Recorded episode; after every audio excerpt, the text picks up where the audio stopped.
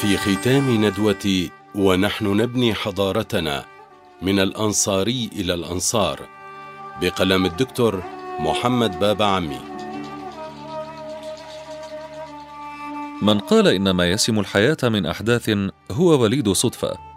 من قال إن ثمة فوضى تحكم نسق الحياة وتصبغ عالم الشهادة. من ذا الذي يصدق أن شيئا ما أي شيء حتى وإن كان وقوع ذبابة على صحن أحد منا هو مجرد حدث لا معنى له في منطق المعنى. نعم إن غلو تصوراتنا وشطط أحلامنا أحيانا لا تعني أن المدركات تابعة أو هي موشور لإدراكنا القاصر. فشتان بين الشيء وظل الشيء وشتان بين الحقيقة وشبح الحقيقة. فريد الأنصاري شمس تسطع من المغرب. من هذا المقام السامق الذي لا يجد للعبثية والفوضى مكانا. أقرأ العلاقة بين المفكر العبقري فريد الأنصاري رحمه الله وميلاد جيل الأنصار حماهم الله من رحم المغرب الحبيب. فالأنصاري لم يمت ولم يغادر إذ لا تزال أنفاسه الطاهرة تعبق في كل بقعة من بقاع الأرض الطيبة ولا تزال كلماته الصادقة توقظ الضمائر مع كل حنين وأنين في كل وقت وحين.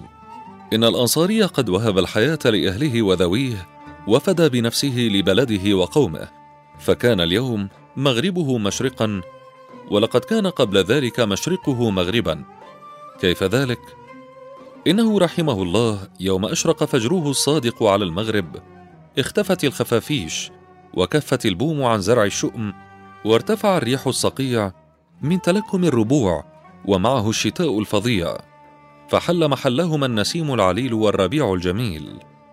أشرق على الناس بقلبه المؤمن الموقن وبعقله الذكي الأصمعي. فصدق أن يقال فيه ما قاله الدكتور عبادي في وصفه إنه اكتشف عرف القرآن فسمى إلى مقام الملائكة وأهل الجنان. ثم لقي القبول في السماء ونزل غيثا هامعا على أهل الأرض هدية ورحمة من رب الأرض والسماء. ثم إن الأنصاري رحمه الله يوم فارق الحياة واستجاب لنداء الأزل وأفلت شمس روحه الزكية حينها أشرق على المغرب يوم يذكرنا بيوم الفتح. أو إن شئت فقل هو أشبه ما يكون بيوم الحديبية. بدت فيه إمارات الخير ولما تكتمل بعد تملاته حاشا في أفئدة الملهمين وعلى أرواح الواصلين.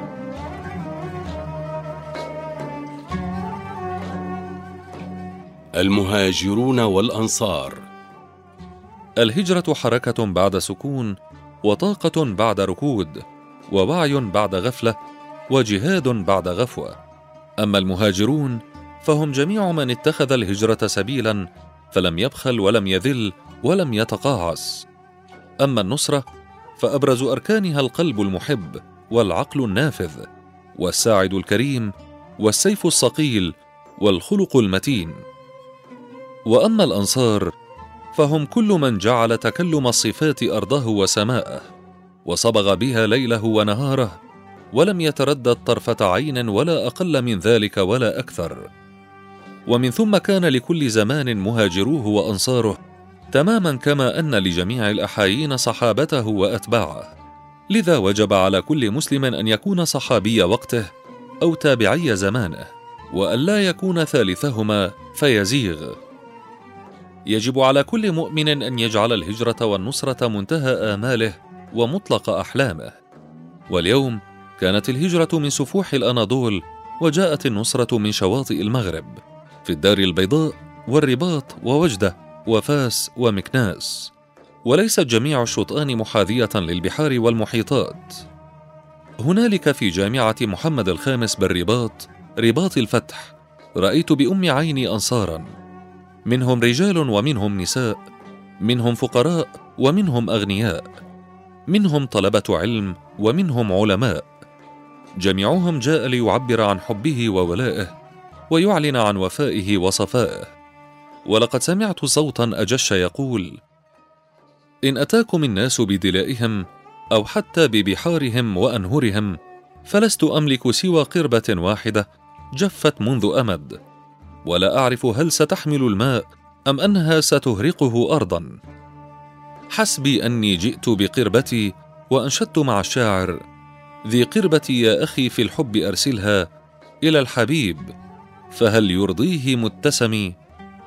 ثم يمم بنا الوفد شطر وجده فاستقبلنا على مشارفها رجال جبال من طينة المصطفى ومن روح المجتبى.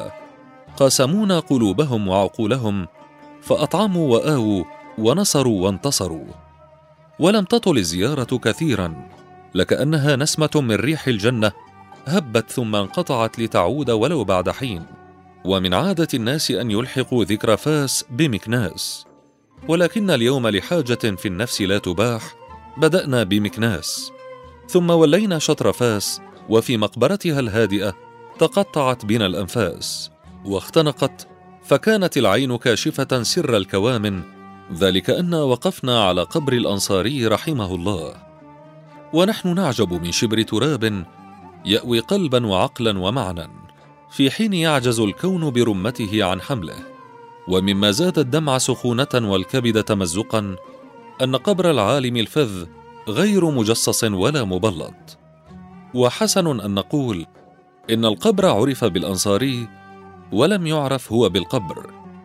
لكن الكثير من القبور في العالمين لا يعرف من ينزلها لولا أن العلامات والكتابات والجص والرخام تذكر بساكنيها. رحمك الله يا أنصاري برحمته الواسعة وأسكنك ربوع جناته الفسيحة.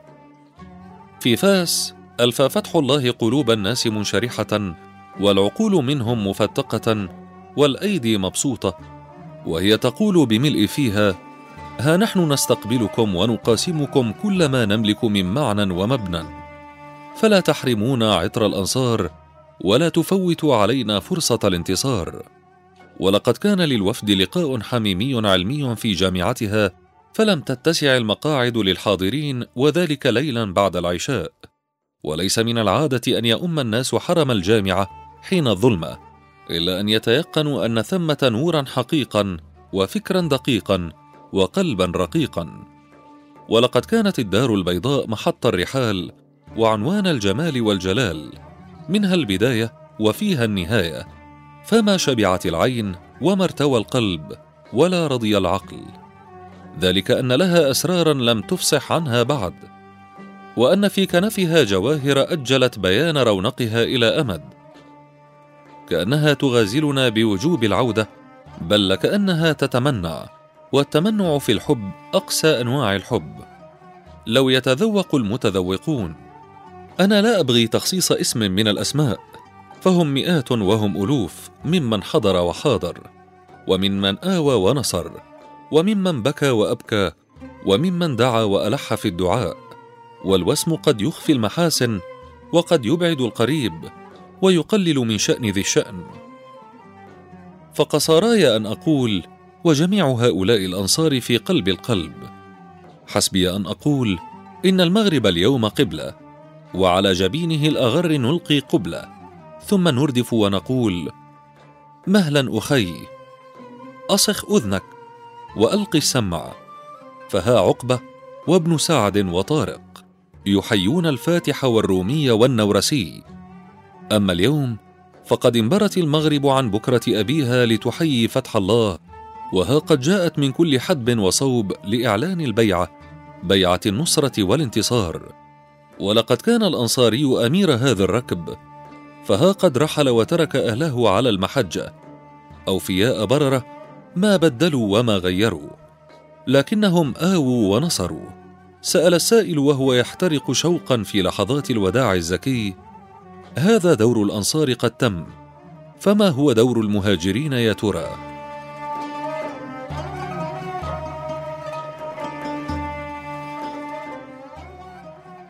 مقتبسات من الندوة. الدكتور وائل بن جالون رئيس جامعة محمد الخامس. تصب حوارات هذه الندوة في دعم العلاقات المغربية التركية وتصب في توسيع معرفة الأدباء والمفكرين بعضهم ببعض وتصب في فكر الأستاذ الكبير فتح الله كولن المربي الفاضل والناشط في مجال التربية بالخصوص. إن التربية هي رهان المستقبل ولا تنمية بدون تربية وتعليم. وهذه هي المعضلة الأساسية بالنسبة لنمو بلادنا.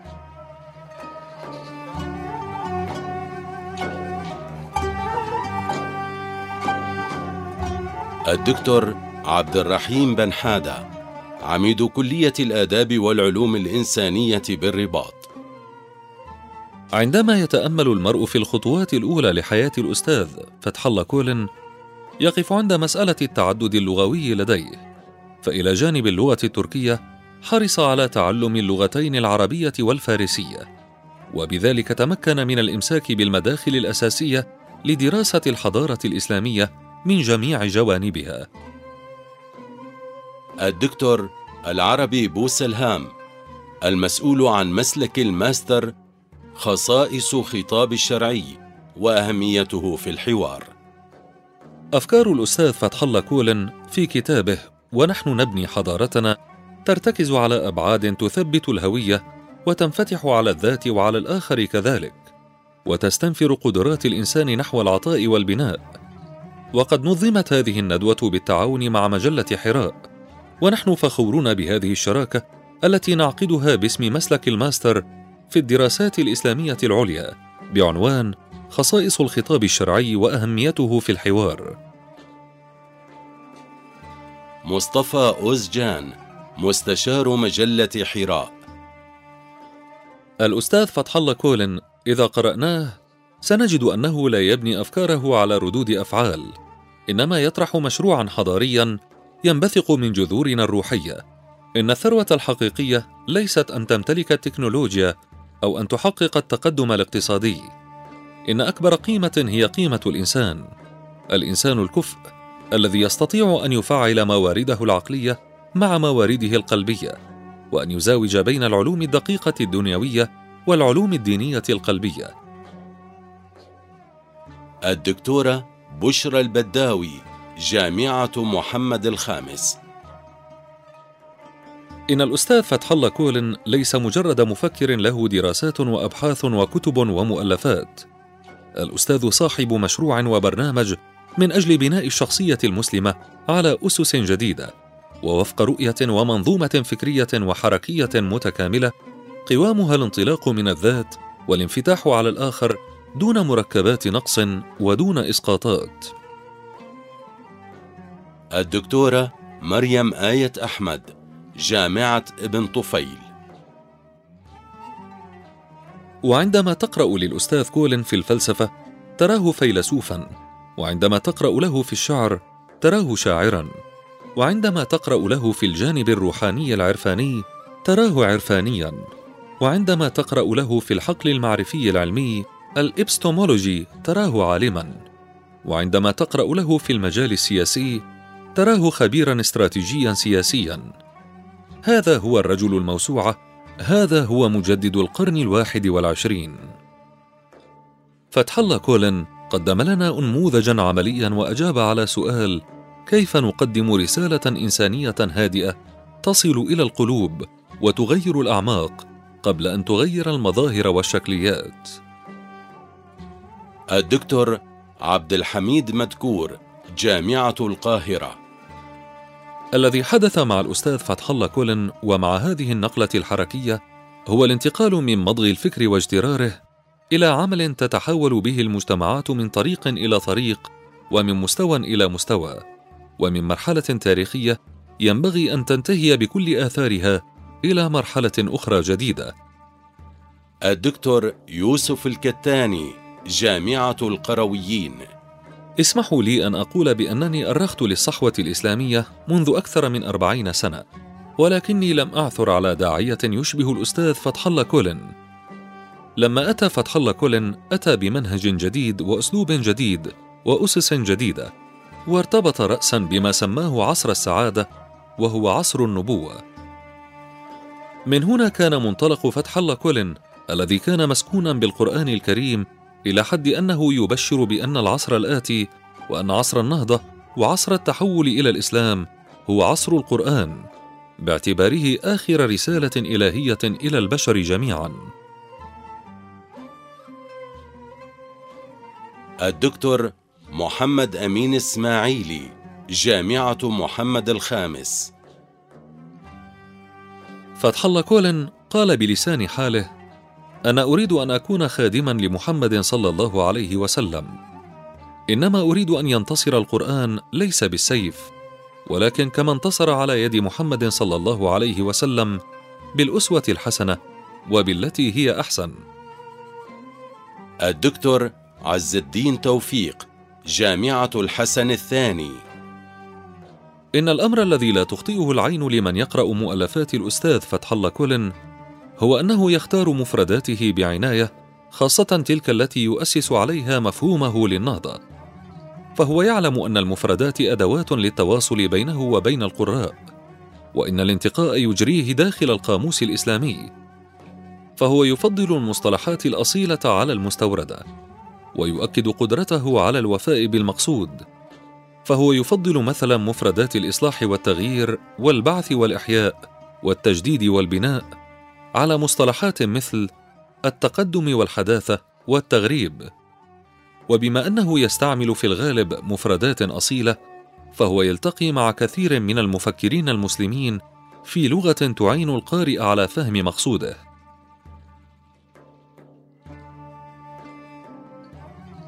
الدكتور محمد بابا عمي مدير معهد المناهج بالجزائر. قلت في نفسي نحن نعلم أن العرب قد اكتشفوا الصفر. وهذه مبرة في تراثهم الحضاري. واليوم أعتقد أن الأستاذ فتح الله كولن قد اكتشف الواحد. فله مقولة عميقة جدا يقول فيها كن صفرا في حظوظ نفسك. كن صفرا في طلبك للأجر. كن صفرا في لهثك وراء الشهرة. فعندما تكثر الأصفار ابحث عن الواحد الأحد الذي تضعه أمام أصفارك فتكون به لا بغيره معه لا مع غيره إلى جواره لا إلى جوار غيره. تكون رقما كبيرا لا متناهيا. تكون كل شيء. من هنا ننطلق فنقول إن الأستاذ فتح الله كولن كان يبحث عن نظرية كل شيء. جمال ترك مدير مركز الدراسات الأكاديمية بإسطنبول. إن مصطلح تأشيرة الوجدان مهم جدا عند الأستاذ فتح الله كولن. كان يقول يا أخي إذا أردت أن تقول شيئا فلا بد أن تكون على كل كلمة تأشيرة الوجدان. قال مرة إذا أردت أن تقول سبحان الله فقلت سب ثم نظرت إلى داخلك فوجدتها لا تنبثق من القلب فاسكت يا أخي وإلا فأنت تكذب. الدكتور سليمان الدقور الجامعة الأردنية. ما دمنا نتكلم عن المشروع الحضاري الذي يقدمه الأستاذ فتح الله كولن. فلا بد من أن نقدم هذا الفكر على أنه مشروع له رسالته وله أهدافه وله آياته وله مجالاته وله وسائله وله أساليبه وطرقه. حديثنا عن الأستاذ نفسه هو حديث عجيب. عجيب لكونك ترى أمامك رجلا عجن بقوله تعالى ولتصنع على عيني وبقوله سبحانه واصطنعتك لنفسي فكان شعاره وعجلت إليك ربي لترضى